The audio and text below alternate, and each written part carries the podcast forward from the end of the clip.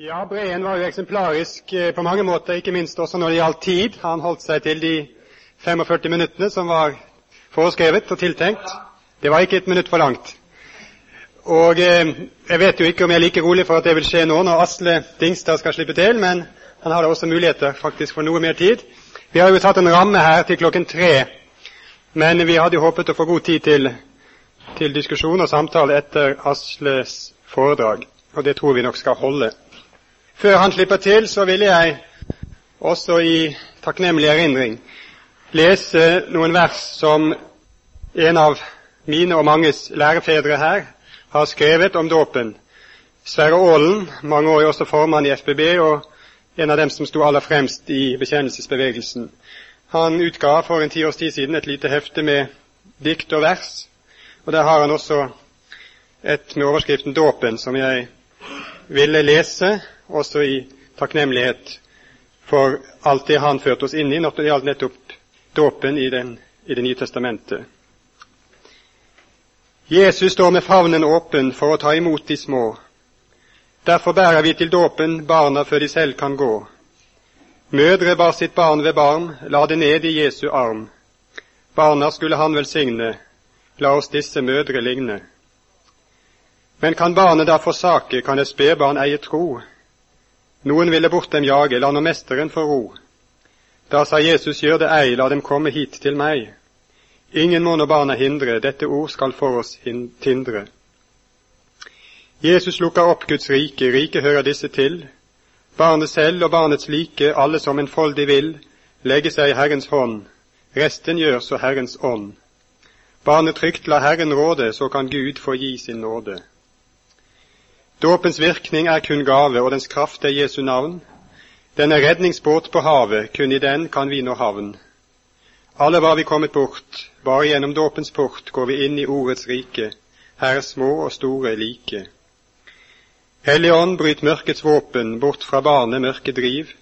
Født av vann og ånd i dåpen har det barnekårets liv.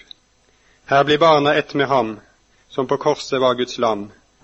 Dør med ham som bar vår brøde, oppstår med ham fra de døde.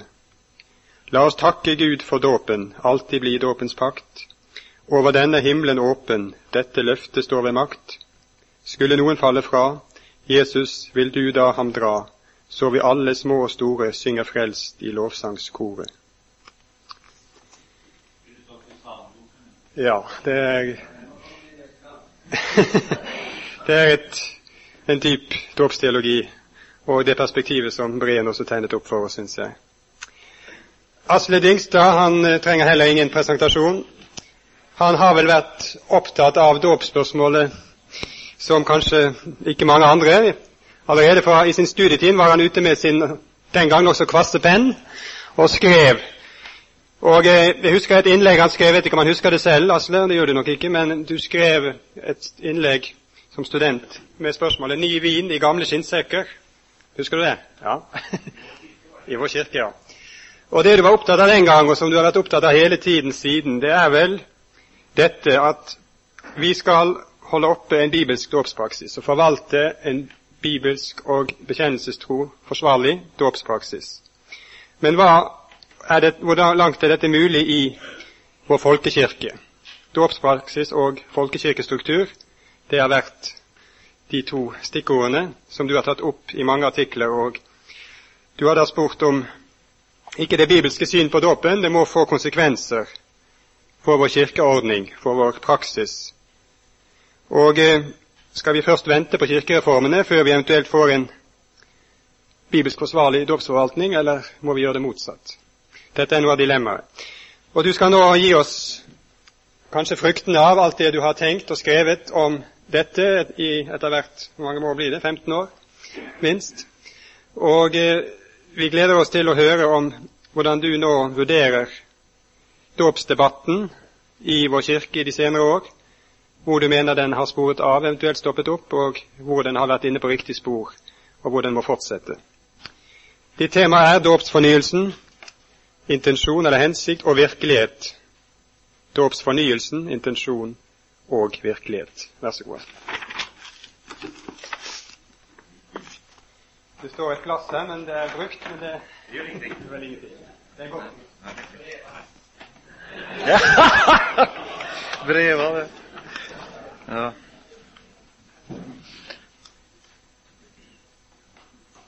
Jeg er veldig takknemlig for at vi fikk begynne denne dagen på den måten som vi har gjort.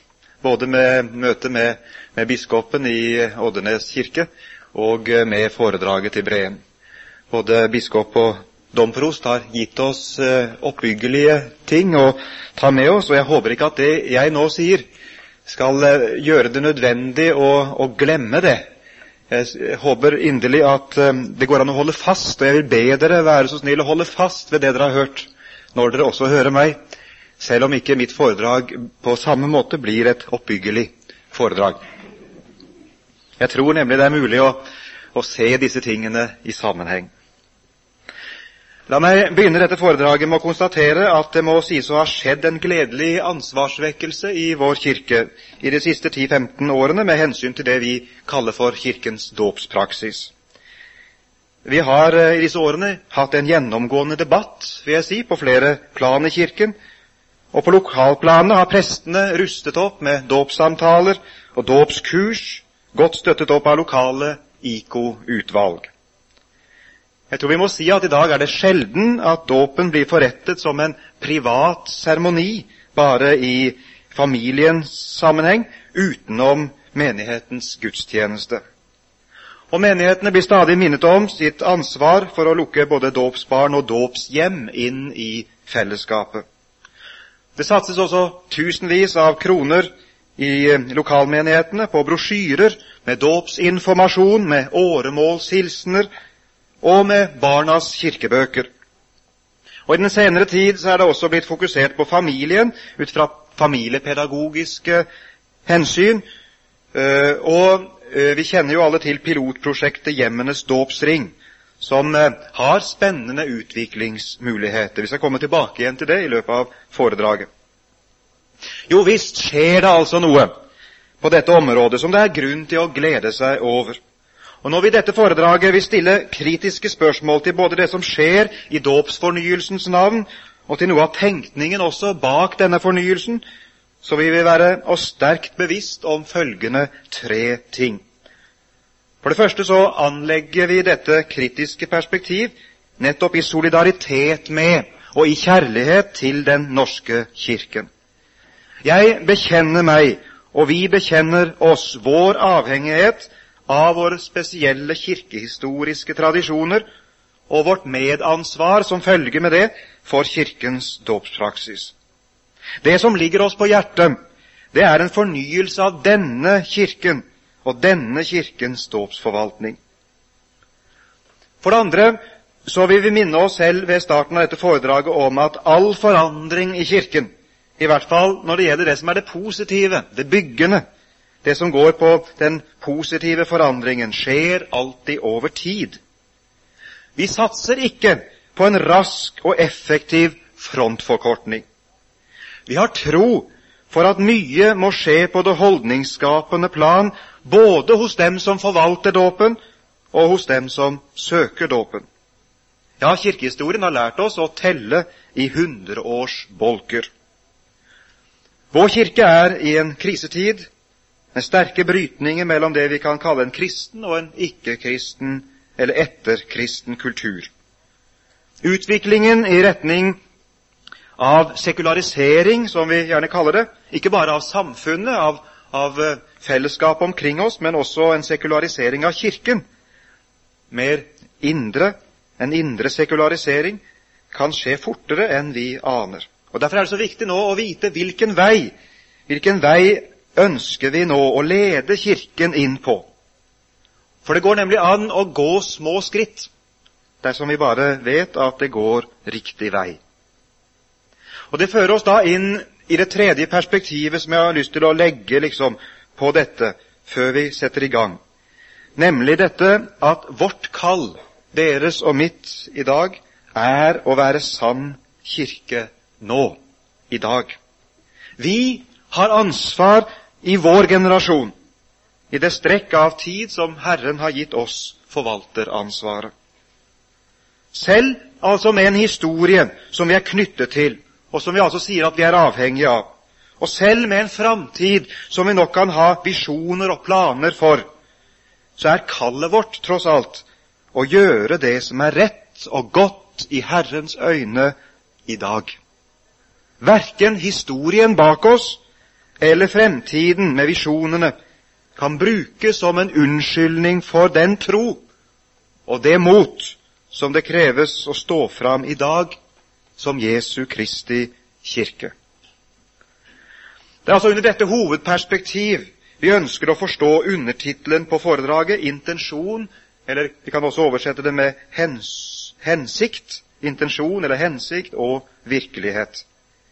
Jeg vil altså spørre svarer alle gode hensikter, alle gode intensjoner, svarer det til den virkelighet som vi kjenner i våre norske menigheter i dag? Er så å si tenkningen fulgt opp på et vis som har ført til en nødvendig og fruktbar vekselvirkning mellom det som vi kan kalle teori og praksis? Har vår kirke med alt det den satser på dåpsfornyelsen, lykkes om ikke mer enn et lite stykke på vei til å legge grunnlaget for en bibelsk, forsvarlig dåpspraksis. Har det skjedd bare en forandring når det gjelder vår tenkning, vår forkynnelse, våre intensjoner? Eller kan vi også si at det har skjedd en forandring med hensyn til vår praksis, med hensyn til vår virkelighet? Og Hvis ikke disse to tingene hører sammen, ikke sant, så, så kan det oppstå en farlig splittelse i vår kirke.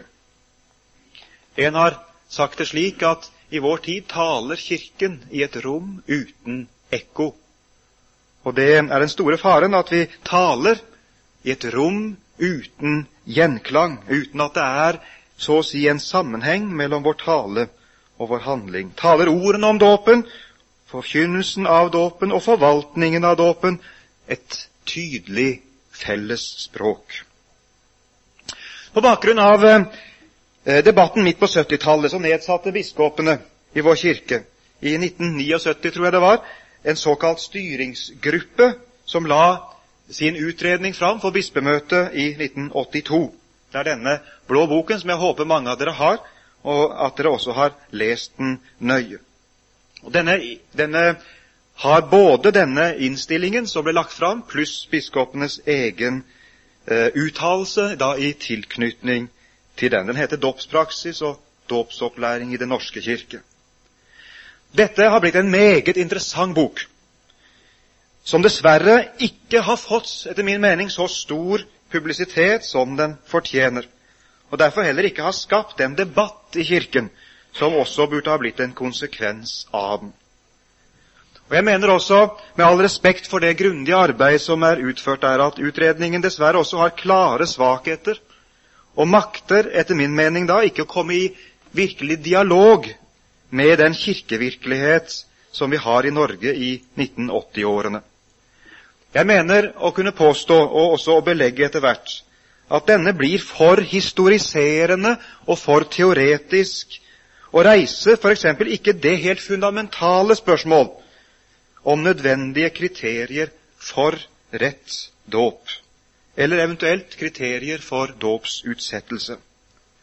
Den lykkes derfor ikke komme i møte helt med den samvittighetsnød som vi registrerer at mange norske prester er i på grunn av den store avstanden som oppleves mellom de store og fine og riktige ordene og den virkeligheten som vi går i og opplever, erfarer og blir minnet om daglig. I en hoveddel på slutten av foredraget så vil jeg anlegge et kritisk perspektiv på denne blå boken, denne eh, dåpspraksis og dåpsopplæring i Den norske kirke, som da grunnlag for noen tanker, noen utfordringer osv. for Kirkens dåpspraksis, dåpsfornyelse. Det første punktet så nå etter innledningen har jeg kalt for Guds intensjon. Vi snakker jo om intensjon og virkelighet i dåpsfornyelsen. Og jeg stiller som en overskrift over neste avsnitt Guds intensjon. Vi må se nærmere på hvilken intensjon, eller hvilke intensjoner har Gud med dåpen. Kanskje må vi rett og slett begynne der. Hva vil Gud med den hellige dåp? Hvilken hensikt har Han med å gi sin kirke dette sakrament og be oss om å forvalte den etter Jesu innstiftelse. Nå skal vi ikke her, og det er ikke tid for det, og ikke hele stedet, for å gi noen fullgod dekning av hele vår kirkes dåpslære, men bare slå fast dette helt grunnleggende, at Gud vil at alle mennesker skal bli frelst. Gud har åpenbart sitt hjerte for oss gjennom sin sønn Jesus Kristus. Og vi forstår ved det vi leser, vi forstår at Guds intensjon er, hans brennende, eneste ønske er, at menneskene skal bli frelst.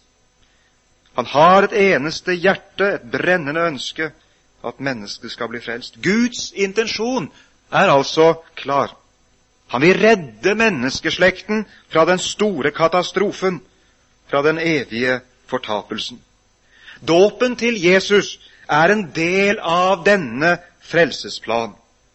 Når vi derfor på Jesu ord og befaling døper et menneskebarn, enten det er spedbarn eller det er et voksent menneske, i Faderens og Sønnens og Den hellige ånds navn, ja, da drar vi dette mennesket inn i Guds plan, inn i Guds frelseshusholdning. Dåpen er et nådemiddel. Det er et synlig tegn på Guds usynlige nåde. Men like så sant som dåpen er nødvendig til frelse, slik som vår kirke lærer det, like sant er det at skal denne dåp til Jesus virkelig bli til frelse for oss, må den tas imot i tro. Guds nåde kan vi bare eie i troen på den Herre Jesus Kristus.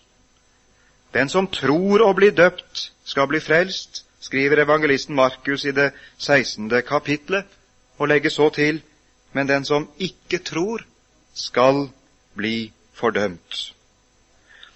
Dette grunnleggende forhold mellom dåpen og troen skal vi komme tilbake igjen senere til. Her skal jeg bare slå fast selve hovedsaken, nemlig at Guds gode hensikter, det er frelse fra fortapelse. Dåpen er ikke et mål i seg selv. Den har heller ikke nådd sitt mål med et menneske bare den er rett utført. Nei, dåpen er et middel i Guds hånd som må ses i sammenheng med hele Guds plan til frelse for menneskeslekten. Sagt på en annen måte ut ifra spørsmålet om vår dåpspraksis det er selvsagt ikke og har aldri vært noe mål for Kirken å holde oppe en viss dåpsprosent. Det er ikke den store skandalen slik vi kan ha sett det i, eh, fra noen år tilbake, når dåpstallet i en by gikk noe ned, at nå måtte vi ruste opp til en skikkelig dåpsoffensiv eh, eh, i vår kirke, slik som det ble sagt. Nei, at antall døpte går ned eh, at antall døpte går ned i et bispedømme, fortjener etter min mening ikke de store overskrifter og de dystre kirkelige kommentarene. Det som ligger oss på hjertet, det som må bli vår virkelige nød, er jo at mennesket skal bli frelst og komme til sannhetserkjennelse. Vår store nød, som det skulle skrives mye, mye mer om og tales mye, mye mer om i kirkelige årsrapporter, det er jo den nød som Brorson synger om i sin bønnesalme. Av døpte vrimler stad og land, men hvor er troens brann? Hva hjelper det vi vet du døden for oss led, når vi ei står mot Satans verk, i troen frisk og sterk? Og vi stiller altså spørsmålet til oss selv og til Kirken som helhet, som vi er en del av. Er vår kirkes dåpspraksis preget av dette hellige alvor? Dette alvor innenfor Guds, den allmektiges, ansikt, at mennesket må bli frelst? Er det dette inntrykket som folk sitter igjen med når de f.eks. har vært hos presten i dåpssamtale, eller vært i kirken på søndagen med sitt barn? Er det dette inntrykket som har brent seg fast hos dem de har merket mennesker som har omsorg for oss. Evig omsorg. Gud vil at vi og barna våre skal bli frelst. Og det er viktig for oss derfor å følge dette opp, slik at Gud kan få sin vilje, både med meg selv, med mor og far og med barna våre.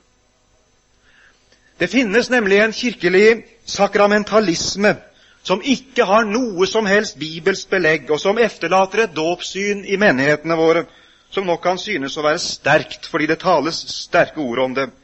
men som i realiteten er et uttrykk for magiske forestillinger. Dåpen er et nådemiddel, ja visst, og derfor skal vi forvalte det med glede, og uten å være knuslete og gjerrige på Guds vegne. Vi skal ikke gå inn i rollen som dommere som liksom skal skille klinten ifra hveten. Her får det endelige resultatet, selve Guds virkeligheten, Guds rike virkeligheten, er sannelig skjult for oss. Dommen hører Herren til. Vårt ansvar er bare det å forvalte den hellige dåp i dette perspektiv, slik at mennesket kommer på valg mellom liv og død, slik at de vet hva det dreier seg om, hvilken uendelig gave Gud tilbyr, og hvilken tragedie det er å forakte den.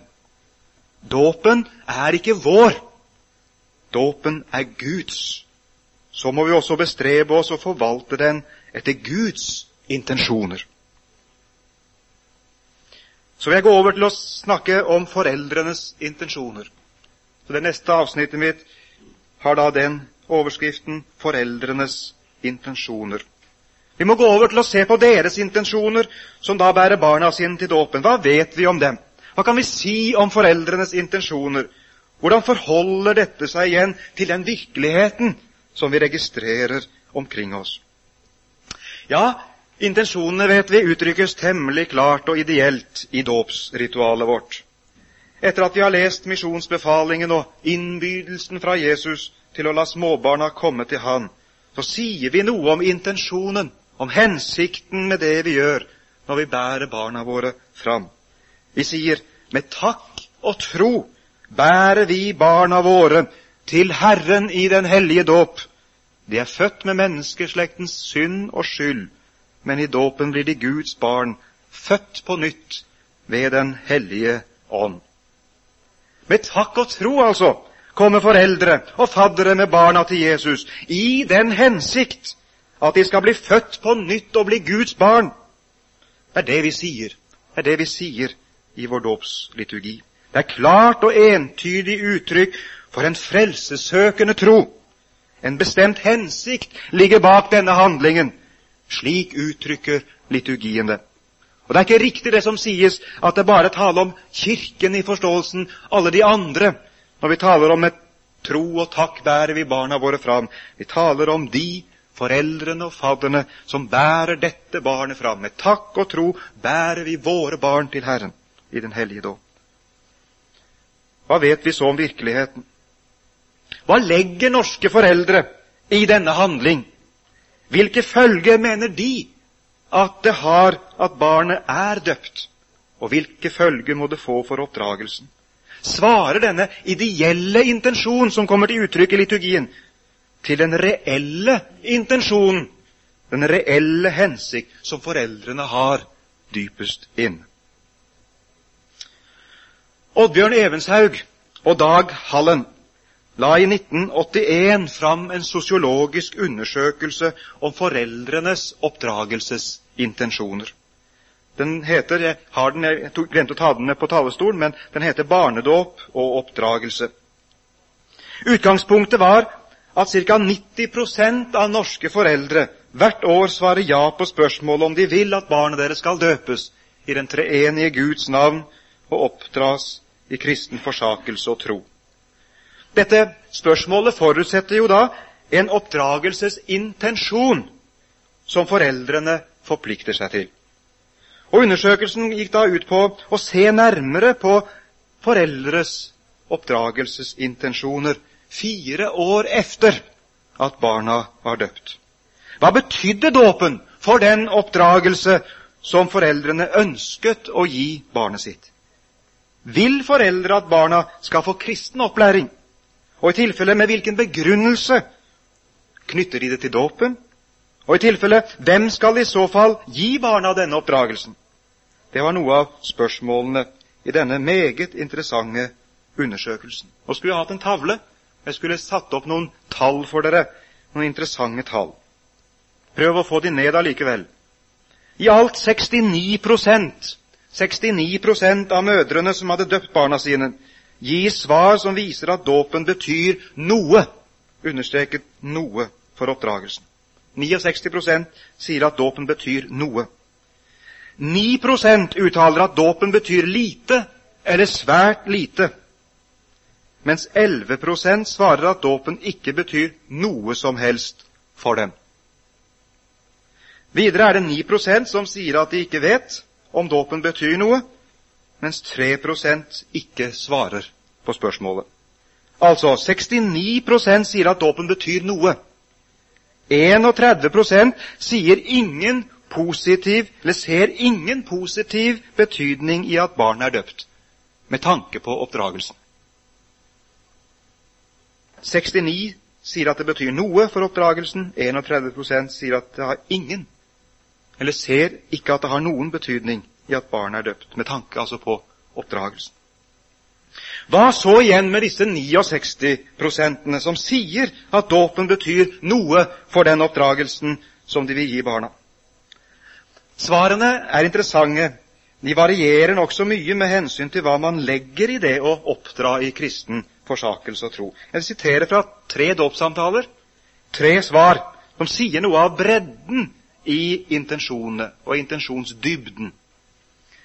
Det ene er slik vi, vi, som har vært prester i noen år og hatt dåpssamtaler, en del hundre, vi kjenner oss sikkert veldig godt igjen. En sier vi vil bevisst oppdra henne i den kristne tro fordi det er riktig, og fordi vi mener hun skal få den støtten som vi mener dette er. Det var det første. Den andre sier jeg er ikke kirkegjenger, hvis det er det du sikter til, men jeg vil allikevel påstå at dette er et kristent hjem.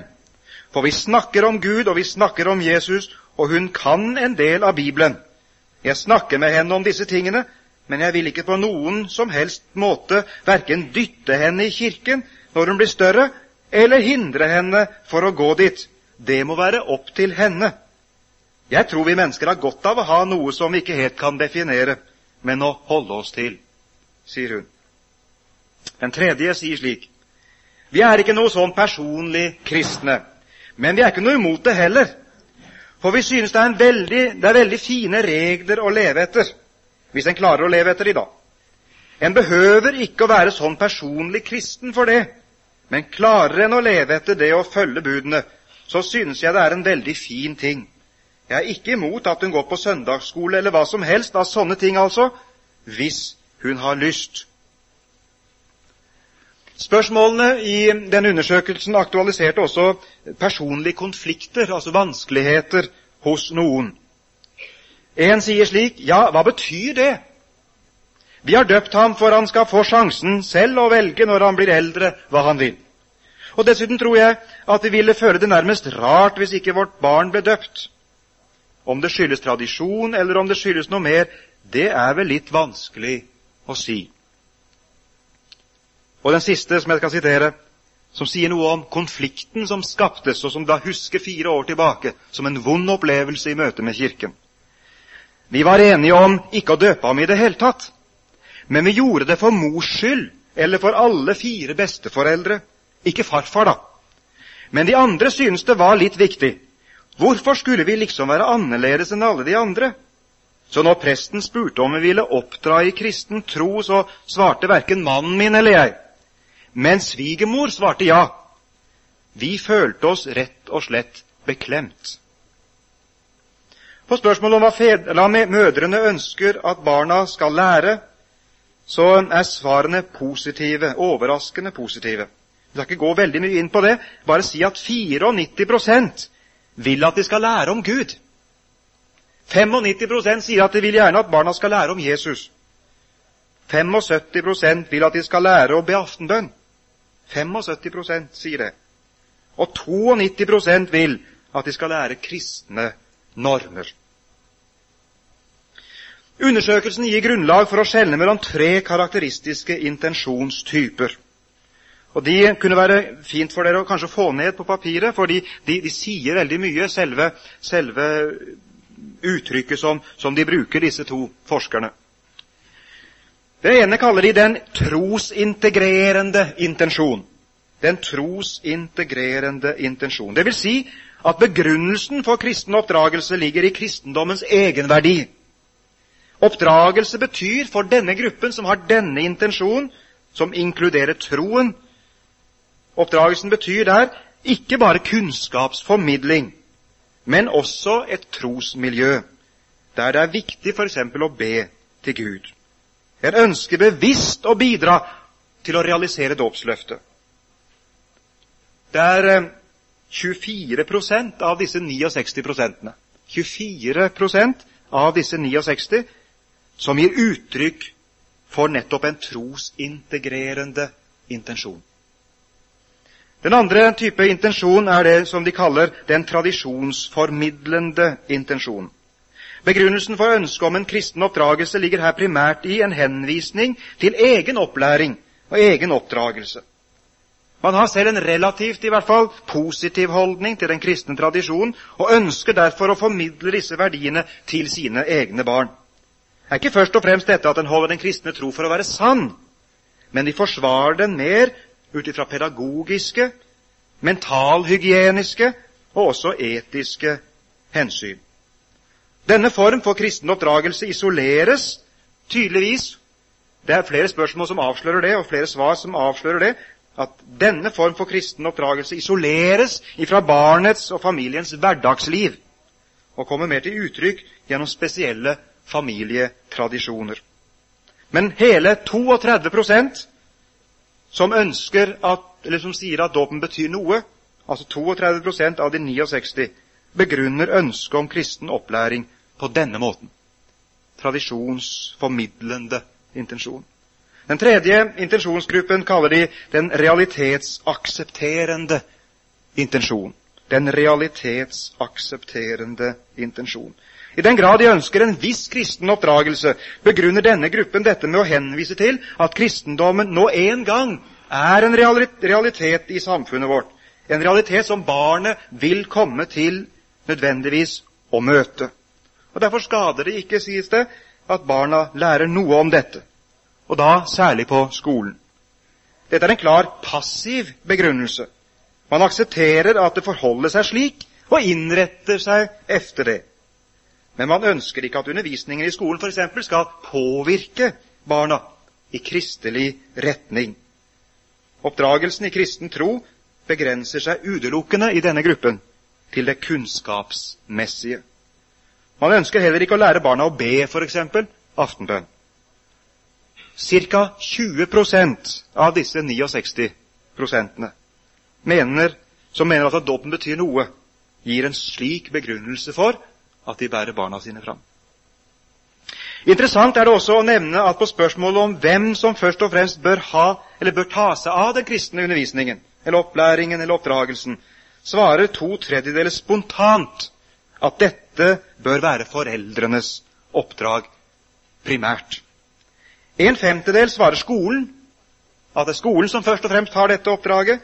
Og bare 7% mener at det er Kirken som først og fremst må ta på seg dette ansvaret. 7% Hovedansvaret ønsker altså at foreldrene skal ta seg av det primært. Begrunner dette også rent prinsipielt da i foreldreretten.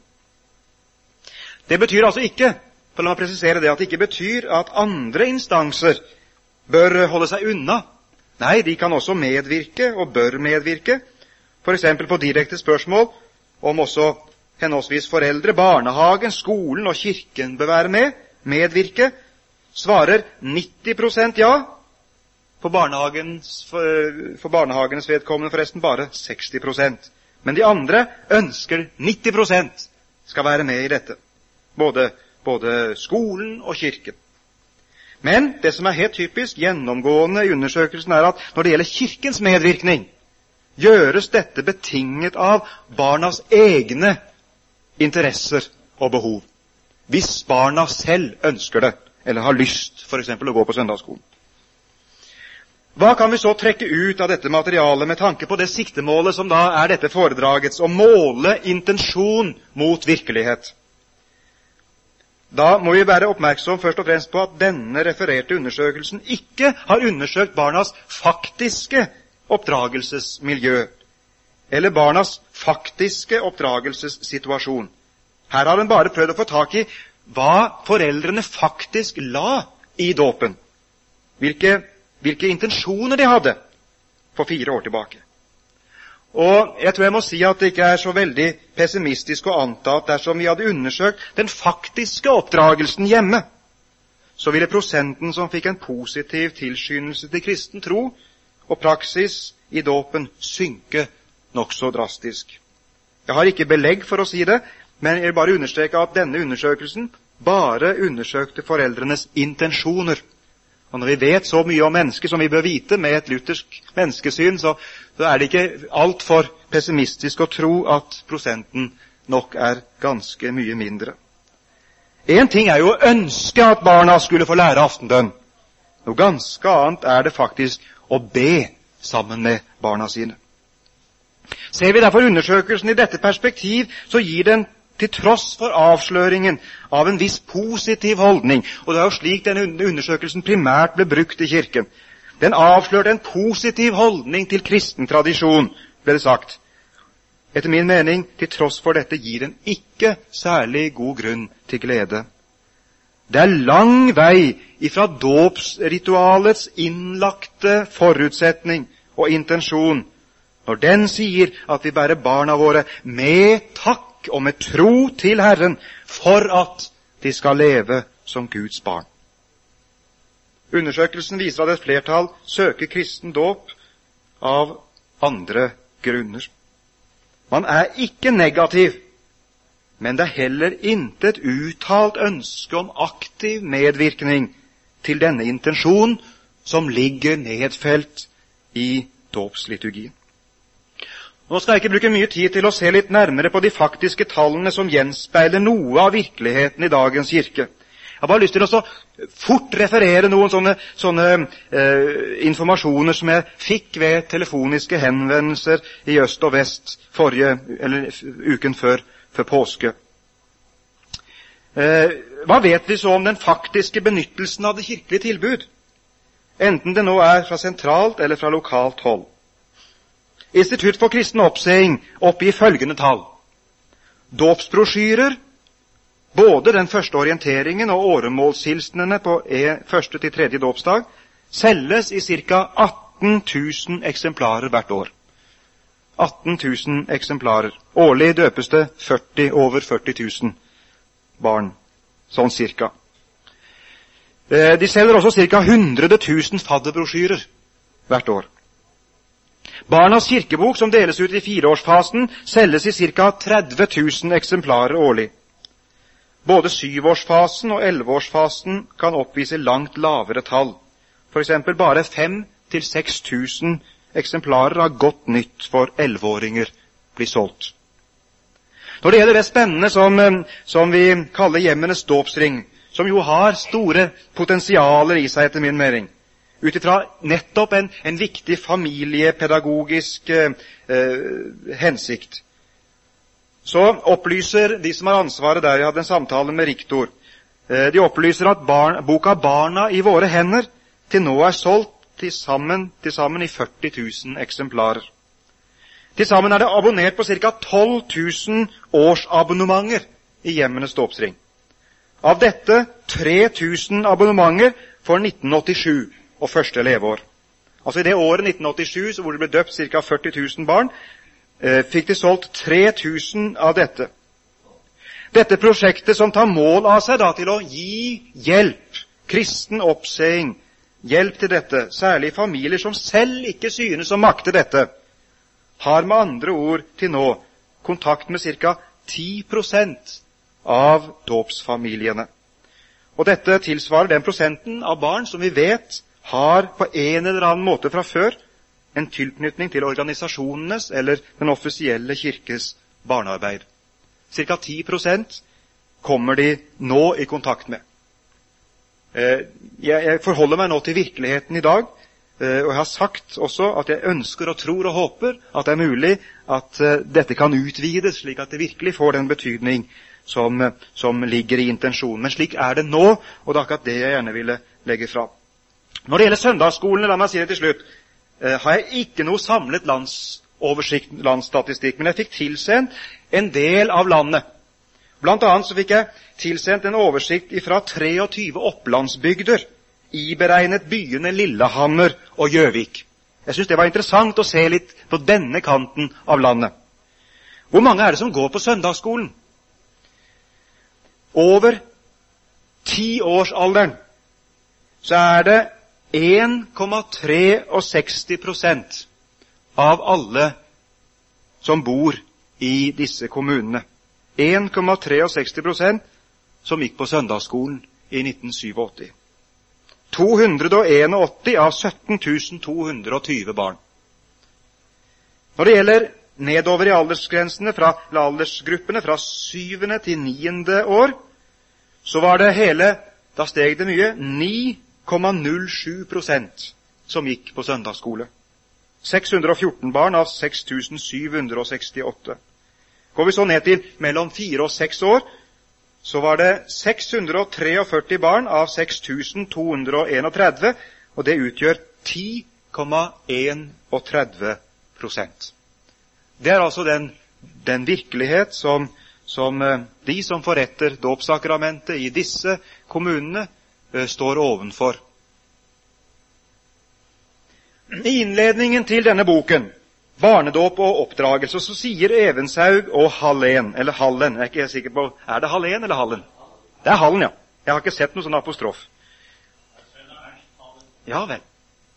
Barnedåp, sier de, forutsetter kristen opplæring og oppdragelse. Og Han viser her til misjonsbefalingen om dåpen til den treenige Guds navn og det å lære å holde alt det Jesus har befalt. Også denne boken som jeg viste til, Dåpspraksis og dåpsopplæring i Den norske kirke slår fast flere steder det er en ubrytelig sammenheng mellom dåp og kristen opplæring. Hvor ubrytelig er så denne sammenhengen, kan vi spørre, etter disse opplysningene vi her har lagt på bordet. Vi må rett og slett våge å spørre dersom vi skal være realistiske, og det bør en kristen kirke. Vi må spørre er det regelen eller er det unntaket at det døpte barnet får vokse opp i et kristent oppdragelsesmiljø i hjem og kirke. Så vidt vi kan bedømme ut ifra dette som vi vet, er det dessverre slik at det dreier seg om unntaket. Flertallet av norske barn døpes uten at det er sørget for den nødvendige, ubrytelige, uløselige sammenheng, som man sier det er, mellom dåp og opplæring. Ja, det kan sies enda sterkere. De data som vi sitter inne med, og den erfaring vi selv har, selv fra våre mest positive menigheter Jeg kommer fra en slik selv. En av de mest positive menighetene, tror jeg, i dette landet når det gjelder dette, med et fantastisk IK-arbeid. Med 13 søndagsskoler og 27 søndagsskolelærere. Jeg har, jeg, jeg har erfaring fra hvordan Kirken kan være på grasrotplanet. Og Allikevel så har jeg den erfaring også som bekrefter at vi opprettholder en dåpspraksis i folkekirken i full visshet om at vi bryter den nødvendige sammenheng mellom dåp og kristen opplæring. De fleste barna døpes ikke inn i kirken, men ut av kirken. Eller for å bruke et bilde som vi lærte av biskop Utnem på praktikum, som har fulgt meg hele tiden i min prestetjeneste og i mine dåpssamtaler. Du nevnte noe om at når vi føder et barn Det henger jo sammen med også Fred Breen sitt foredrag. Når vi føder et barn, så føder vi det inn i en sammenheng. Inn i et hjem der noen bøyer seg over det, tar seg av det, gir det kjærlighet og gir det alt det det trenger for å leve. Vi kan ikke tenke oss, sa Utne den gangen, å sette et nyfødt barn ut i gata eller opp i fjellet og så gå fra det, overlate det til seg selv og si 'nå har vi gjort det vi skulle'. Akkurat slik, sa han, er det også med fødselen som skjer i dåpen. Denne nye fødselen må føre inn i en sammenheng, inn i en familie og en kirke som tar på seg ansvaret for å gi dette nyfødte barnet kristen omsorg, kjærlighet, næring for det nyfødte troslivet. Det vi i realiteten gjør i vår norske kirke. Ikke i intensjonene, ikke i planene, ikke i visjonene, men i realiteten i dag. Det er det motsatte. For de fleste barna overlates til seg selv, til tilfeldighetene. Og hva skjer med barnet? Og Jeg spør også hva, hvilket vitnesbyrd avlegger Kirken ved dette? Så er jeg kommet til det neste punktet, som heter Kirkens intensjoner. Begynte med Guds intensjoner, har gått nå veien gjennom foreldrenes intensjoner, og jeg spør nå om Kirkens intensjoner. Hvilke intensjoner har så Kirken med sin dåpsforvaltning? Hvilken ideologi, hvilken tenkning er det som er med å forme og legitimere den dåpspraksis som vi har? For det er jo Kirkens ansvar å formidle, ikke sant? Formidle mellom Gud og Guds hensikter. Formidle dette til menneskene, slik at menneskene søker Gud på hans premisser. Det er jo Kirkens ansvar å forvalte dette sakramentet etter Jesu innstiftelse og hensikt. Kirken er i en midlerposisjon her. På den ene siden er den seg bevisst sin egen lære om dåpen, holder fast ved den og bekjenner den, avlegger den gode bekjennelse.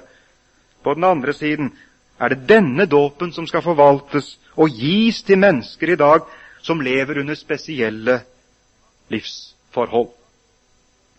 Med andre ord, vi utfordres nå i denne siste delen av vårt foredrag å tenke situasjonsanalyse sammen med dåpsteologi slik at disse to størrelsene, som sjelden kommer i berøring med hverandre, får kontakt på nytt. Det er her svakheten ligger i den utredningen vi har fra bispemøtet, eller fra denne utredningsgruppen. For her sies det nemlig viktige ting om dåpen, helt umistelige ting om dåpen.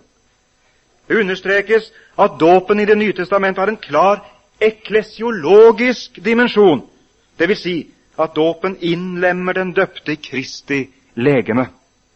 Dåpen er ikke, sies det, bare en engangshandling. Det er en livslang prosess, en døds- og livsprosess sammen med Jesus. Dåpsopplæringen er derfor citat, en nødvendig konsekvens av dåpen. Og Likeså tales det i utgangspunktet klart om den bibelske sammenhengen mellom dåpen og troen. Dåp og tro hører uløselig sammen, sies det.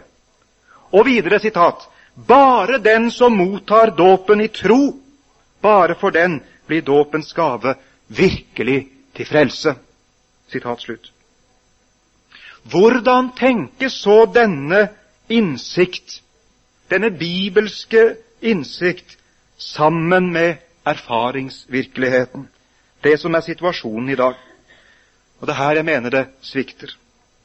Utredningen makter ikke å gi en troverdig situasjonsanalyse. Det vil si, den prøver det på enkelte steder. Men når den på et par steder drøfter dåpsteologien i forhold til en bestemt kulturell situasjon, så er det nettopp i den historiske delen. Særlig i forhold til reformasjonstiden. Der tenkes situasjon og teologi sammen. Hvilke utfordringer sto man overfor i reformasjonstiden? Da den lutherske kirken måtte markere front både mot romersk sakramentlære og mot svermerne. Og så står det et sitat Vi er i en annen historisk situasjon. Men hva denne situasjonen faktisk går ut på, er vanskelig å oppdage. Hva er utfordringene i vårt samfunn i dag? Hvor er vi nødt til å gå opp grensene i dag dersom vi ønsker å stå for en evangelisk, luthersk, bibelsk dåpspraksis. Den som tar vare på de intensjoner som ikke vi finner på, som ikke vi legger til, men som vi leser ut av den hellige dåp. Dersom vi lar slike spørsmål ligge, dersom vi ikke tar opp slike spørsmål, blir jo vår kirkes dåpspraksis tradisjonsbestemt. Og den blir tilpassende og den blir ikke et resultat av en sunn, reflekterende teologi. Skal vi se på noen sentrale problemområder ut ifra en slik reflekterende dåpsteologi, vi hvordan vi da må tenke. Jeg har tre slike hovedpunkter. Jeg håper ikke jeg har kommet altfor langt, slik at jeg skal greie å avslutte i noenlunde rimelig tid. Ber deg, Gunnar, begynn å synge en sang hvis det skulle bli nødvendig, så skal jeg slutte. Det første er nettopp dåpen og troen. Dåp og tro hører uløselig sammen, blir det sagt innledningsvis. Og nå viser jeg hele tiden til denne.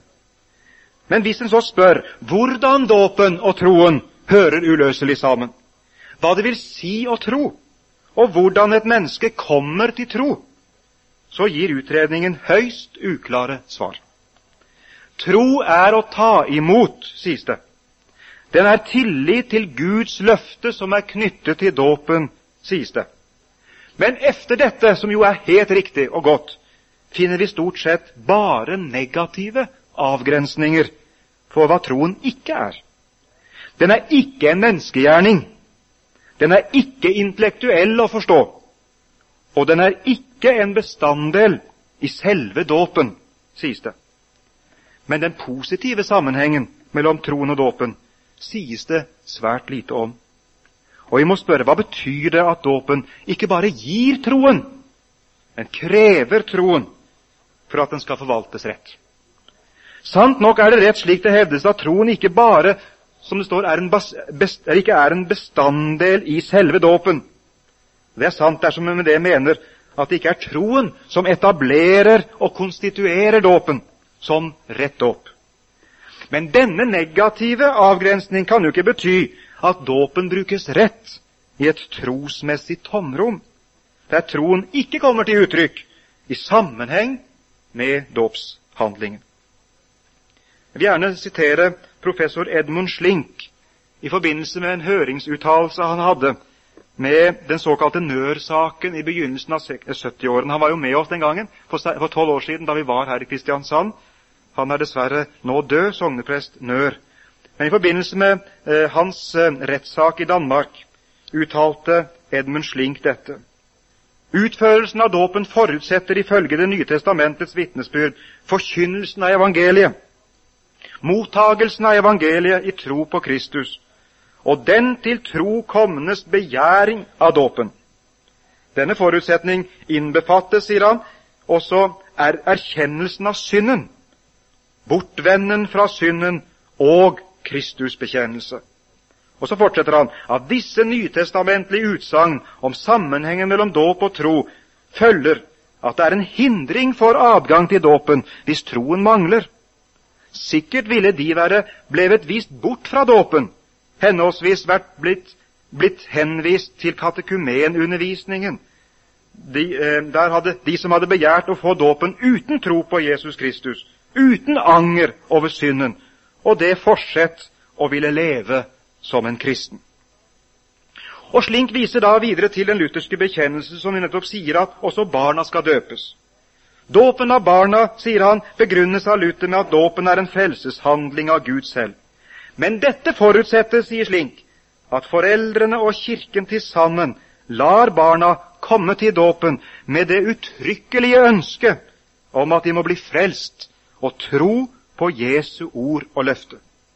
Denne foreldrenes og faddernes tro, skriver Slink ordrett, blir åpenbar derved at i dåpshandlingen sier forsakelsen og troen for barnet, ber for barnet, liksom de etter dåpen omgir det voksende barn med deres eget trosvitnesbyrd og deres forbønn, og leder det til gudstjenesten og den kirkelige undervisningen. Slik sier Slink. Her ser vi altså hvor stor betydning troen, forbønnen og foreldrenes og faddernes vitnesbyrd og forbilde har i Luthers tenkning om barnedåpen. Og Jeg vil for min egen del bare henvise også til den andre Taufbüchlein av Luther fra 1526, den som jo Luther senere tok inn i sin lille katekisme. Så har Luther enda sterkere understreket nødvendigheten nettopp av foreldrenes og faddernes tro og forbønn for en forsvarlig dåpsforvaltning. Han kommer flere steder med uh, uttrykkelige formaninger til foreldrene og fadderne, nettopp til kristen tro og til bevisst kristen oppdragelse. Og Jeg vil si at denne ubrytelige sammenhengen hos Luther mellom dåpen og troen eh, må komme fram på tre måter.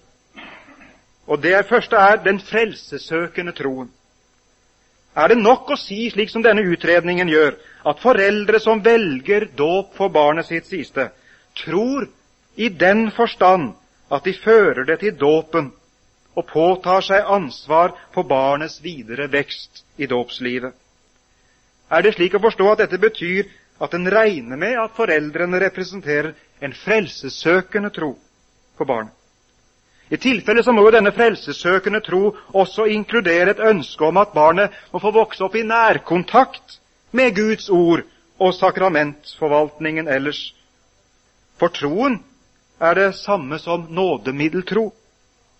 Den er en tro som skapes, og som oppholdes, og som styrkes ved Guds hellige ånd gjennom nådens midler.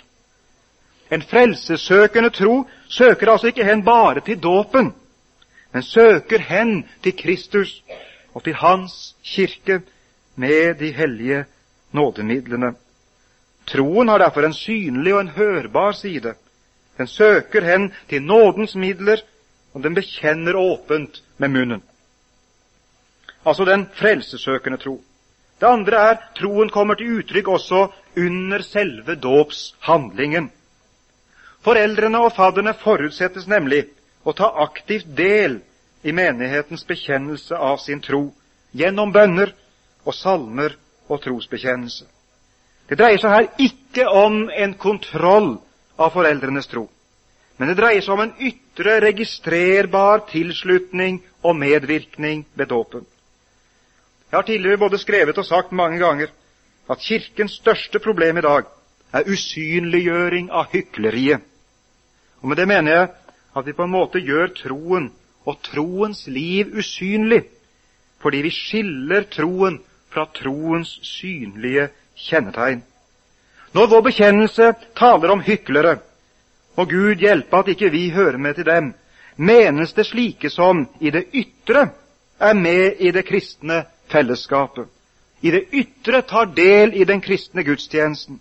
De som deltar med munnens bekjennelse, men som ikke tror i sitt hjerte. Dersom vi fjerner troens ytre kjennetegn, kjennetegn så blir det jo umulig å snakke om hyklere. I denne sammenheng er det altså viktig å fastholde foreldre og faddere som troende mennesker. Og derfor håper jeg at de fleste fortsatt tiltaler foreldre og faddere, selv om dåpsliturgien nå har strøket det. For tiltalen kan umulig være bestemt ved kongelig resolusjon. Kjære kristne. Selv om det er strøket, så ser vi dem i øynene, og vi tiltaler dem med kjære kristne. Og vi forutsetter at de er det. Vi forutsetter at de med lydelig munn under forsakelsen og troen er med høyt og svarer ja ved døpefonten. For det tredje så må dette, denne troen og dåpen, denne sammenhengen, etablere, det betyr at det etableres et trosmiljø for barnet efter dåpen. Ikke bare en frelsessøkende tro og en lydelig bekjennelse ved døpefonten, ved selve handlingen, men også et trosmiljø hvor det kan vokse opp i nærkontakt med troens midler. Og I denne sammenheng er da foreldrenes forbilde og aktive tilskyndelse til bønn, til deltakelse i menighetens liv, av avgjørende betydning. Og Det jeg da savner i denne utredningen, når det gjelder denne sammenhengen som jeg nå har prøvd å si noe om, denne sammenhengen mellom dåpen og troen, det jeg savner, det er en refleksjon om dåpen og vantroen. Hva er egentlig vantro? Og hva skjer det der dåpen ikke tas imot i tro, men i vantro? Og I denne sammenhengen må vantro kunne defineres nettopp som nådemiddelforakt. Når et menneske bevisst holder seg og barna sine borte fra den kristne gudstjeneste, uten å Akkurat slik, sa han, er det også med fødselen som skjer i dåpen. Denne nye fødselen må føre inn i en sammenheng, inn i en familie og en kirke som tar på seg ansvaret for å gi dette nyfødte barnet kristen omsorg, kjærlighet, næring for det nyfødte troslivet. Det vi i realiteten gjør i vår norske kirke, ikke i intensjonene, ikke i planene, ikke i visjonene, men i realiteten i dag, det er det motsatte. For de fleste barna overlates til seg selv, til tilfeldighetene. Og hva skjer med barnet? Og Jeg spør også hva, hvilket vitnesbyrd avlegger Kirken ved dette? Så er jeg kommet til det neste punktet, som heter Kirkens intensjoner. Begynte med Guds intensjoner, har gått nå veien gjennom foreldrenes intensjoner. Og jeg spør nå om Kirkens intensjoner. Hvilke intensjoner har så Kirken med sin dåpsforvaltning? Hvilken ideologi, hvilken tenkning er det som er med å forme og legitimere den dåpspraksis som vi har? For det er jo Kirkens ansvar å formidle, ikke sant? Formidle mellom Gud og Guds hensikter. Formidle dette til menneskene, slik at menneskene søker Gud på hans premisser. Det er jo Kirkens ansvar å forvalte dette sakramentet etter Jesu innstiftelse og hensikt. Kirken er i en midlerposisjon her. På den ene siden er den seg bevisst sin egen lære om dåpen, og holder fast ved den og bekjenner den, avlegger den gode bekjennelse. På den andre siden er det denne dåpen som skal forvaltes og gis til mennesker i dag som lever under spesielle livsforhold. Med andre ord, vi utfordres nå i denne siste delen av vårt foredrag å tenke situasjonsanalyse sammen med dåpsteologi slik at disse to størrelsene, som sjelden kommer i berøring med hverandre, får kontakt på nytt. Det er her svakheten ligger i den utredningen vi har fra bispemøtet, eller fra denne utredningsgruppen. For her sies det nemlig viktige ting om dåpen, helt umistelige ting om dåpen. Det understrekes at dåpen i Det nye testamentet har en klar eklesiologisk dimensjon, dvs. Si at dåpen innlemmer den døpte Kristi legeme. Dåpen er ikke, sies det, bare en engangshandling. Det er en livslang prosess, en døds- og livsprosess sammen med Jesus. Dåpsopplæringen er derfor citat, en nødvendig konsekvens av dåpen. Og Likeså tales det i utgangspunktet klart om den bibelske sammenhengen mellom dåpen og troen. Dåp og tro hører uløselig sammen, sies det. Og videre sitat bare den som mottar dåpen i tro, bare for den blir dåpens gave virkelig til frelse. Sitat slutt. Hvordan tenkes så denne innsikt, denne bibelske innsikt, sammen med erfaringsvirkeligheten? Det som er situasjonen i dag. Og det er her jeg mener det svikter. Utredningen makter ikke å gi en troverdig situasjonsanalyse. Det vil si, den prøver det på enkelte steder. Men når den på et par steder drøfter dåpsteologien i forhold til en bestemt kulturell situasjon, så er det nettopp i den historiske delen. Særlig i forhold til reformasjonstiden. Der tenkes situasjon og teologi sammen. Hvilke utfordringer sto man overfor i reformasjonstiden? da den lutherske kirken måtte markere front både mot romersk sakramentlære og mot svermerne. Og så står det et sitat Vi er i en annen historisk situasjon. Men hva denne situasjonen faktisk går ut på, er vanskelig å oppdage. Hva er utfordringene i vårt samfunn i dag? Hvor er vi nødt til å gå opp grensene i dag dersom vi ønsker å stå for en evangelisk, luthersk, bibelsk dåpspraksis. Den som tar vare på de intensjoner som ikke vi finner på, som ikke vi legger til, men som vi leser ut av den hellige dåp. Dersom vi lar slike spørsmål ligge, dersom vi ikke tar opp slike spørsmål, blir jo vår kirkes dåpspraksis tradisjonsbestemt. Og den blir tilpassende og den blir ikke et resultat av en sunn, reflekterende teologi. Skal vi se på noen sentrale problemområder ut ifra en slik reflekterende dåpsteologi, vi hvordan vi da må tenke. Jeg har tre slike hovedpunkter. Jeg håper ikke jeg har kommet altfor langt, slik at jeg skal greie å avslutte i noenlunde rimelig tid. Ber deg, Gunnar, begynn å synge en sang hvis det skulle bli nødvendig, så skal jeg slutte. Det første er nettopp dåpen og troen. Dåp og tro hører uløselig sammen, blir det sagt innledningsvis. Og nå viser jeg hele tiden til denne. Men hvis en så spør hvordan dåpen og troen hører uløselig sammen, hva det vil si å tro, og hvordan et menneske kommer til tro, så gir utredningen høyst uklare svar. Tro er å ta imot, sies det. Den er tillit til Guds løfte som er knyttet til dåpen, sies det. Men efter dette, som jo er helt riktig og godt, finner vi stort sett bare negative avgrensninger for hva troen ikke er. Den er ikke en menneskegjerning. Den er ikke intellektuell å forstå. Og den er ikke en bestanddel i selve dåpen, sies det. Men den positive sammenhengen mellom troen og dåpen sies det svært lite om. Og vi må spørre hva betyr det at dåpen ikke bare gir troen, men krever troen for at den skal forvaltes rett. Sant nok er det rett slik det hevdes at troen ikke bare som det står, er en, best, er ikke er en bestanddel i selve dåpen. Det er sant dersom en med det mener at det ikke er troen som etablerer og konstituerer dåpen som rett dåp.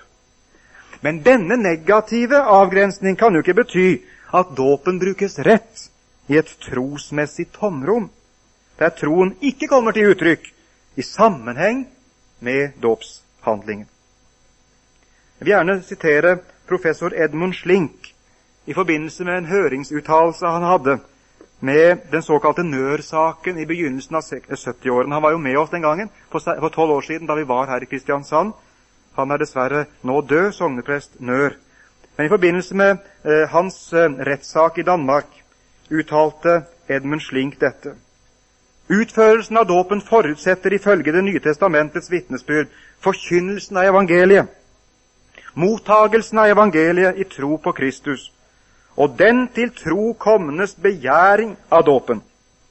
Denne forutsetning innbefattes, sier han, også er erkjennelsen av synden, bortvenden fra synden og Kristusbekjennelse. Og så fortsetter han at disse nytestamentlige utsagn om sammenhengen mellom dåp og tro følger at det er en hindring for adgang til dåpen hvis troen mangler. Sikkert ville de være blevet vist bort fra dåpen henholdsvis vært blitt, blitt henvist til katekumenundervisningen. De, eh, der hadde de som hadde begjært å få dåpen uten tro på Jesus Kristus, uten anger over synden, og det fortsett å ville leve som en kristen. Og Slink viser da videre til den lutherske bekjennelse som nettopp sier at også barna skal døpes. Dåpen av barna, sier han, begrunnes av Luther med at dåpen er en frelseshandling av Gud selv. Men dette forutsettes, sier Slink, at foreldrene og Kirken til sammen lar barna komme til dåpen med det uttrykkelige ønsket om at de må bli frelst og tro på Jesu ord og løfte. Denne foreldrenes og faddernes tro, skriver Slink ordrett, blir åpenbar derved at i dåpshandlingen sier forsakelsen og troen for barnet, ber for barnet, liksom de etter dåpen omgir det voksende barn med deres eget trosvitnesbyrd og deres forbønn, og leder det til gudstjenesten og den kirkelige undervisningen. Slik sier Slink. Her ser vi altså hvor stor betydning troen, forbønnen og foreldrenes og faddernes vitnesbyrd og forbilde har i Luthers tenkning om barnedåpen.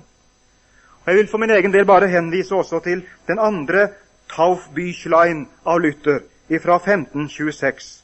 Den som jo Luther senere tok inn i sin lille katekisme. Så har Luther enda sterkere understreket nødvendigheten nettopp av foreldrenes og faddernes tro og forbønn for en forsvarlig dåpsforvaltning. Han kommer flere steder med uh, uttrykkelige formaninger til foreldrene og fadderne nettopp til kristen tro og til bevisst kristen oppdragelse. Og Jeg vil si at denne ubrytelige sammenhengen hos Luther mellom dåpen og troen eh, må komme fram på tre måter. Og Det første er den frelsesøkende troen.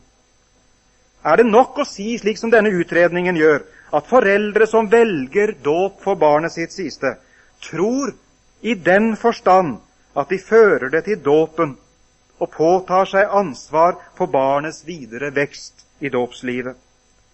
Er det slik å forstå at dette betyr at en regner med at foreldrene representerer en frelsessøkende tro for barnet? I tilfelle så må jo denne frelsessøkende tro også inkludere et ønske om at barnet må få vokse opp i nærkontakt med Guds ord og sakramentsforvaltningen ellers. For troen er det samme som nådemiddeltro. Den er en tro som skapes, og som oppholdes, og som styrkes ved Guds hellige ånd gjennom nådens midler.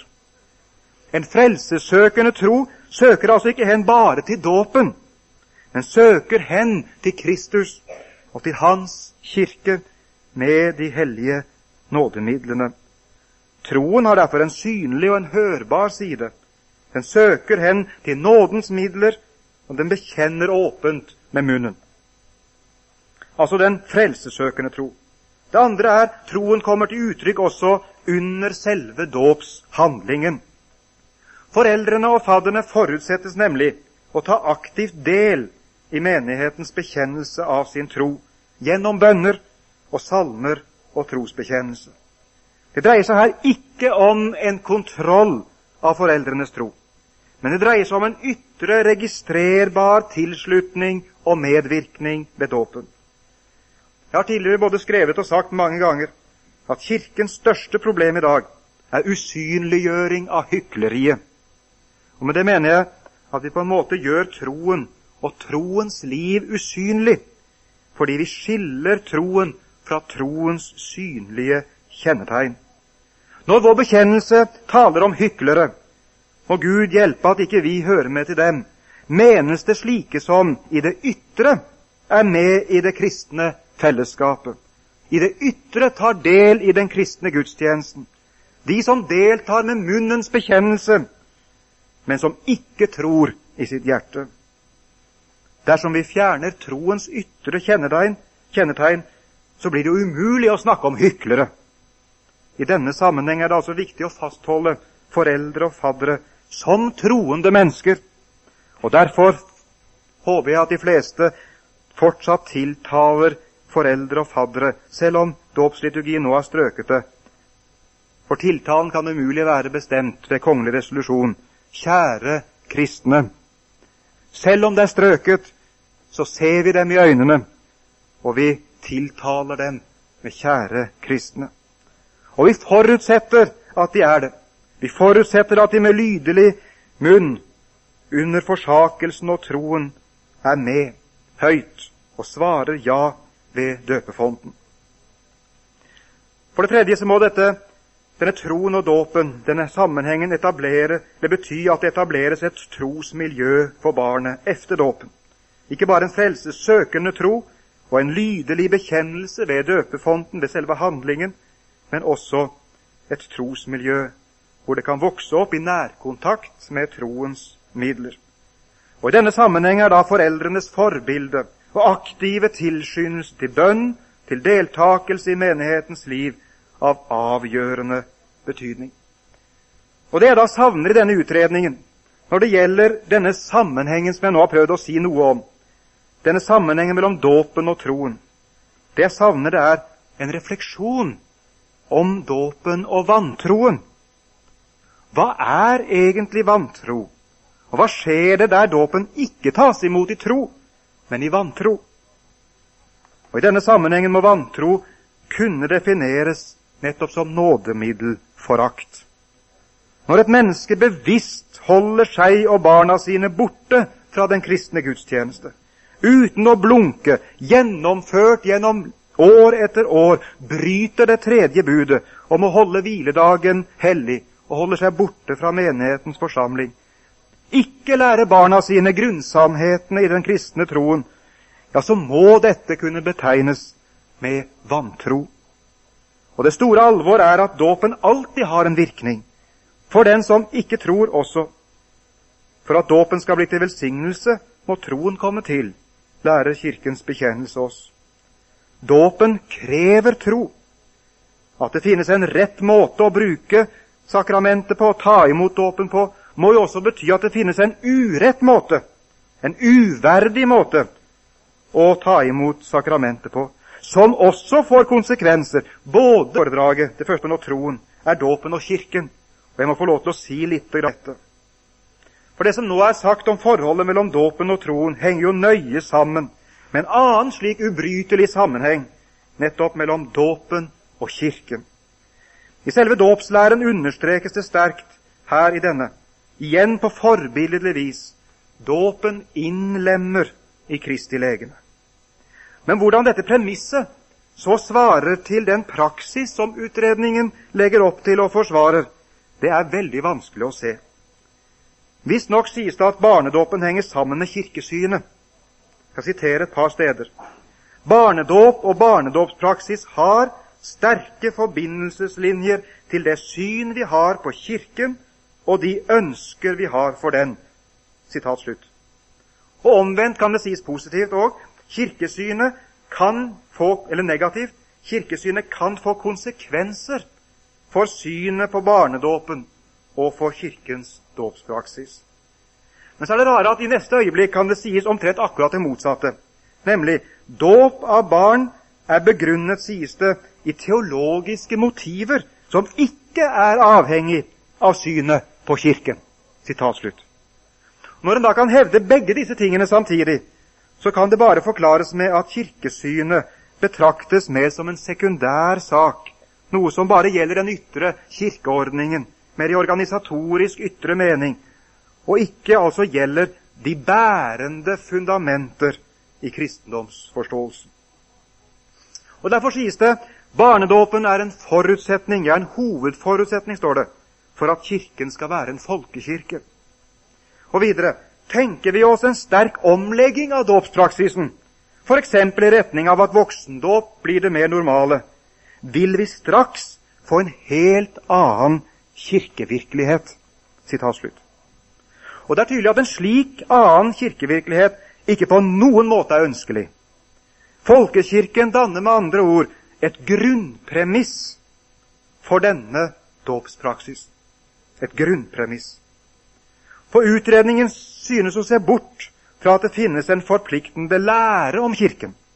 En eklesiologi som vi som bekjennelse og bekjennelseskirke er bundet av. Den grunnleggende forståelsen av hva Kirken er, uttrykkes jo slik Kirken er de helliges forsamling, der evangeliet blir lært rent og sakramentene forvaltet rett. Allerede her hører vi, ikke sant, hvordan kirke og dåp sees i en indre, organisk sammenheng. Folkekirkeideologien underlegges ingen teologisk analyse i denne utredningen. Tvert imot overtar den og gjør gjeldende en ureflektert, uproblematisk folkekirkeideologi. Og Jeg må da bare rett og slett spørre, med en viss undring, hva er årsaken til at denne utredningen kom i gang i det hele tatt? Var det ikke nettopp den anfektelse som folkekirken ja, gir oss, den smerte som gir seg ut ifra vår dåpspraksis i dag i denne kirken, er det ikke nettopp ut fra denne smerten at dåpsspørsmålet kom opp, og man skulle drøfte det og gi det liksom en ny retning og en ny vei. Hvilken hjelp har denne å tilby i en slik situasjon? Ved å la være å reflektere over den eklesiologiske dimensjonen ved dåpen, stadfester etter min mening denne utredning i virkeligheten dåpen som en engangshandling, som noe som skjedde en gang, og koblet sammen med den til dels meget sterke dåpsteologi som vi møter her, er den med på å forsterke en form for folkekirkelig sakramentalisme. Og nå skal jeg være veldig varsom når jeg uttrykt meg meget sterkt, men jeg skal være varsom nå og si at folkekirkespørsmålet er enkelt. For vi har ingen enkle og ferdige løsninger på dette. I utgangspunktet ønsker vi ikke noen radikal frontforkortning og nærer ingen tanker om en ren kirke. Men vi kommer jo ikke utenom å drøfte folkekirken, særlig i lys av forholdet mellom den synlige og den usynlige kirken. Og Som lutherske teologer vet vi at vi kan ikke snakke om den ene uten samtidig å snakke om den andre. Det finnes ingen usynlig kirke uten i sammenheng med den synlige. De mennesker som i det ytre samles omkring ordet og sakramentene. Rett nok gir Luther en herlig dobbel målestokk på hvem som i realiteten hører til i denne kirken. Han eh, taler om kjærlighetens målestokk. Og der sier han eh, kjærligheten Det er sitat. Kjærligheten tror det beste om enhver. Kjærligheten er ikke mistenksom, men regner alltid med og tror det beste om sin neste. Den kaller enhver som er døpt, for hellig. Det hører med til kjærlighetens vesen å bli bedratt, sier Luther. Men så sier han også om noe annet, nemlig troens målestokk. Troen, sier han derimot, kaller ikke noen hellig med mindre han er erklært hellig ved en guddommelig dom. For det hører med til troens vesen at den ikke lar seg bedra. Dette skriver han i, om den trellbundne vilje. Vi gjør vel i å merke oss at Luthers, eh, denne, denne Luthers formaning vi vel i å merke oss denne, men samtidig så må vi advare mot en fundamental misforståelse av denne kjærlighetens lov som, som Luther taler om i en folkekirkelig sammenheng, der mennesket nemlig også i det ytre har forlatt forpliktelsen på Guds ord og Guds bud. For Luther er det jo en selvsagt ting, en forutsetning at når han i kjærlighetens navn kaller alle døpte for kristne og hellige, så dreier det seg om mennesker som i det ytre følger Guds ord og Guds bud så godt de kan. Mennesker som i det ytre forakter Guds ord og Guds bud, skal, sier Luther i konsiliene om konsiliene og Kirken, sitat, heller ikke regnes som kristne. Man skal heller ikke trøste dem som var de kristne, og med megen sludder om syndenes forlatelse og Kristi nåde, som antinomistene gjør. Sitat slutt. Og dette samsvarer, som vi vet, med Luthers forord til Lille katekismen, når han sier med tanke på dem som verken vil lære eller lyde den kristne troen, at i dem skal han si at de fornekter Kristus og ikke er kristne. De skal heller ikke få adgang til sakramentet og ikke bære noen barn til dåpen. Sitat slutt. Når det jo da er dåpspraksis nettopp i denne folkekirkelige setting, som jeg altså ikke har noen løsning ut av lettvint. Når det nettopp er denne folkekirkelige situasjonen som har ført til opprettingen av en slik utredningsgruppe, så er det etter min mening underlig at denne delen av fortalen til Lille katekismen overhodet ikke engang er sitert som et balanserende moment til Kirkens vidåpne dåpspraksis. En ville i det minste ha kunnet vente, etter min mening, en seriøs drøfting av kriteriene for dåp, og også hvilke kriterier som må legges til grunn der en dessverre er nødt til å anbefale utsettelse av dåpen. Spørsmålet om slike kriterier er til syvende og sist et spørsmål om hvem er Kirken, og hva kreves av dem som tilhører denne kirken. En slik forsøk på gjennomtenkning av forutsetningene for dåp eh, i det hele tatt er det ikke mye spor å ane av i denne utredningen. Det vil si, de historiske passasjene, særlig for urkirkens vedkommende, så finnes slike antydninger, og det er interessante. Jeg skal sitere ett sted som i misjonslandene i dag, var voksendåp det vanlige, og barnedåp har eventuelt kommet på tale i familier som bekjente troen. Sitat slutt. Også i Det nye testamentets dåpstekster møter vi uttrykket 'hindring' i forbindelse med dåpen. Hva hindrer meg i å bli døpt? Og Når utredningen nå drøfter spørsmålet om utsettelse av dåp, så gjøres dette uten teologisk fundament. Den teologiske basis for slike hindringer må jo nødvendigvis ligge i selve dåpsforståelsen, og ikke være noe som Kirken, fordi den er steil og knuslete, og fordi den vil legge noe til, kommer med sine krav attpå.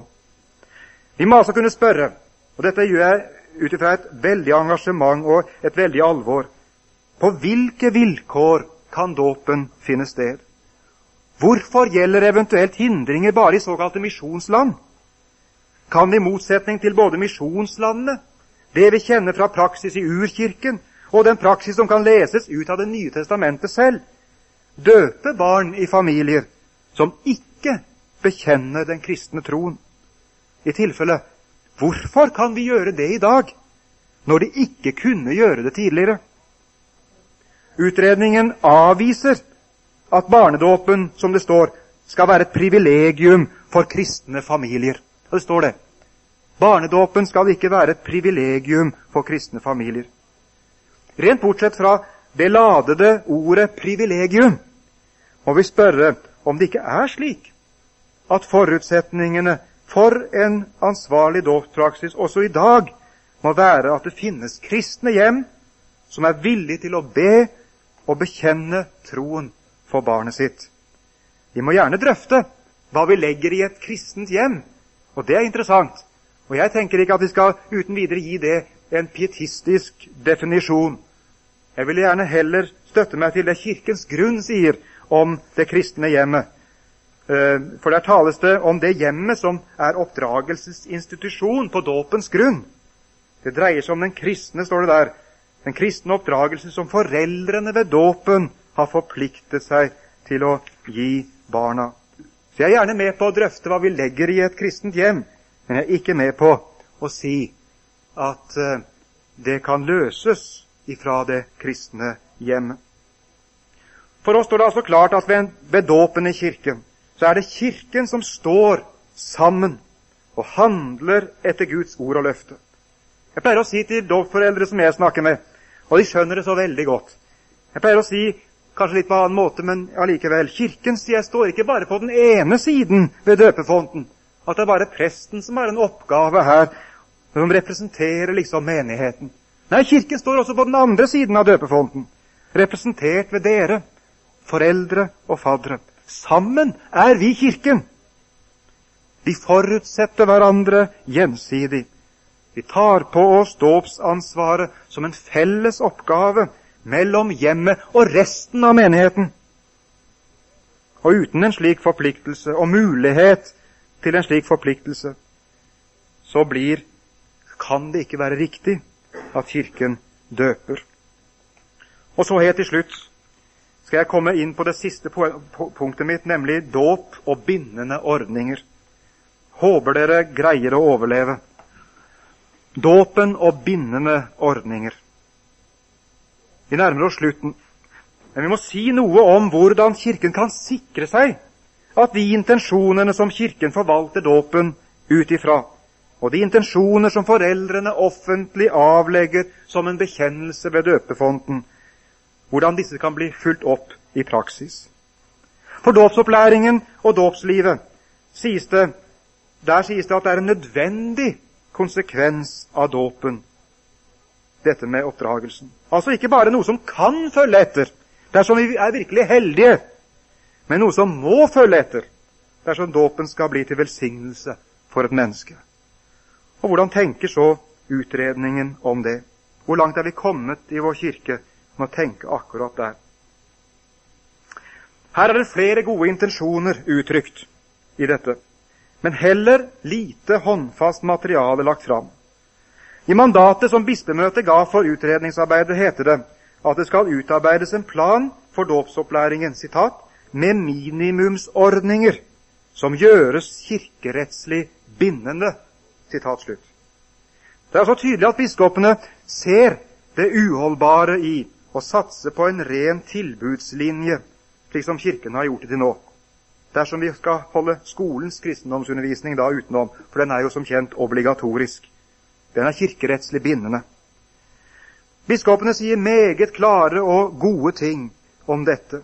Sitat, en forutsetning for at dåp kan finne sted, er at de som døpes, får dåpsopplæring og får leve sitt liv i den troende menighet. Dåp og opplæring hører uløselig sammen, hetes det. Og videre skal folkekirken fortsatt kunne opprettholde sin dåpspraksis, må den derfor intens oppruste sin dåpsopplæring. Og Her siterer da biskopene fra utredningen slik i sin uttalelse.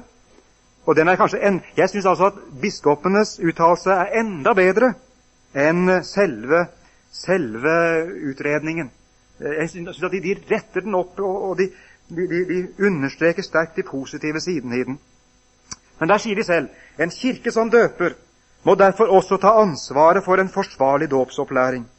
På dette grunnlag må Kirkens medlemmer forpliktes til en forsvarlig dåpsopplæring.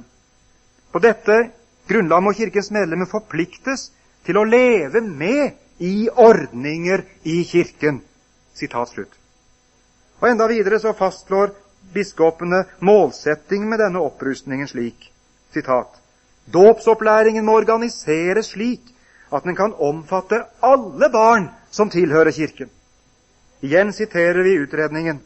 Målet for dåpsopplæringen i Den norske kirke er å føre udøpte fram til dåp og tro, og hjelpe alle døpte til å forsake det onde og leve og vokse i troen på den treenige. Etter denne meget sterke markeringen av behovet for bindende kirkerettslige ordninger leter vi så dessverre igjen forgjeves etter konsekvenser som kan føre dette ut til å bli virkelighet. Utredningen slår fast isteden, nesten kontra etter min mening, når de sier etter vår mening er juridiske bestemmelser som retter seg mot foreldrene, ikke lenger egnede virkemidler til å fremme dåpsopplæringen i Kirken. I stedet skal det rettes citat, 'positive forventninger' til foreldre og faddere. Og I den grad biskopene tenker i kirkerettslige baner, så er det ikke tale om noe som trengs i dag, men det antydes at Kirken må ta sikte på å utarbeide en slik plan i et mer langsiktig perspektiv. Altså en eller annen gang i framtiden skal Kirken begynne å sikre en forsvarlig dåpsoppfølging. Og En slik plan skal forplikte Kirken på alle plan, står det. Men betyr det at den også skal forplikte foreldrene? Det heter i mandatet at den skal utarbeide forslag til en dåpsopplæring som ethvert døpt barn i vår kirke har rett til. Utgangspunktet ligger altså med andre ord på hva barnet har rett til, og det er godt. Men det, skal det bety noe i praksis, må det i neste omgang bety at noen er forpliktet til å ivareta denne retten overfor barna. Utredningen har altså tydeligvis lite til overs for kirkerettslige bindende ordninger. Det har sin klare grunn i at kirkeretten i vår tradisjon har vært knyttet så sterkt til sivilrettslig basis. Men samtidig legges det opp til en nytenkning, og det er jeg glad for, eh, en nytenkning av kirkeretten. Når, når de i avvisning av juridiske bestemmelser sier citat, at en i stedet må ta utgangspunkt i Kirkens egenart som et trossamfunn, med visse ordninger som må være forpliktende for medlemmene. Ja, om vi kommer fram til sakens kjerne av slike veier, så gjerne for oss. Poenget er bare at vi kommer ikke utenom å tale om forpliktende ordninger i en eller annen form. Kanskje burde vi også få fram at tanken om en slik kirkerettslig forpliktelse ikke på noen måte er ny i vår kirke. For også de liturgiske ordningene er per definisjon gjeldende kirkerett. Dåpsliturgien har med andre ord lagt et fundament for en oppfølging. Intensjonen er uttrykt, men nå står det på viljen til å gjennomføre ordninger, legge opp til en strategisk plan, nå så fort som mulig for å virkeliggjøre intensjonene og ivareta de teologiske anliggender som ligger i selve dåpsformuleringen, dåpsliturgien. Jeg har stensilert opp det siste eh, eh, arket av foredraget mitt, og jeg håper at så mange som mulig kan få det, fordi der, der eh, skriver jeg det som er selve målsettingen, og som er uttrykt som målsettingen i denne boken. Og Jeg siterer også der eh, Norsk lærerakademis eh, formulering til, eller, eller, forslag til nyformulering av denne, av denne målsettingen. Og det jeg har understreket denne, på denne siden, er det som Lærerakademiet mener bør komme i tillegg til utredningens måldefinisjon. Eh, jeg skal kort lese den hva, som, eh, hva de ønsker. Fordi nå har vi snakket om intensjoner hele veien, og da er det viktig at intensjonene er de riktige. At teorien er rett når vi nå skal begynne å arbeide videre på å forme, forme en rett praksis. Og Der skriver Lærerakademiet slik om intensjonen. Den hellige ånd alene virker og opprettholder troen gjennom nådemidlene. Kirkens oppgave er derfor å forvalte ord og sakrament rent og rett etter Guds ord, i tro og forventning om Åndens troskapende gjerning. Legg merke til, Her har de fått med dette med, med troen og den frelsessøkende troen. Målet for dåpsopplæring i Den norske kirke er å føre udøpte barn og voksne frem til dåp i tro, ved å hjelpe udøpte som gjennom evangelieforkynnelse og undervisning er kommet til tro på Kristus, til å motta dåpen rett Å hjelpe foreldre og faddere til å bære barnet til dåpen i forventning om troens gave, og hjelpe dem til å ta aktivt medansvar. Å hjelpe alle døpte til å forsake ikke det onde, som utredningen sier, men den onde, å leve og vokse i troen på og kunnskapen om den treenige Gud. Og så fortsetter den slik som utredningen. Dåpsopplæringen skal hjelpe dem som ved dåpen er innlemmet i menigheten, til å delta i menighetens gudstjenestefellesskap og til å ta aktivt ansvar for menighetenes tjeneste i verden. Dåpsopplæringen skal sikte mot hele mennesket og tilpasses den enkeltes egenart og forutsetninger. Amen.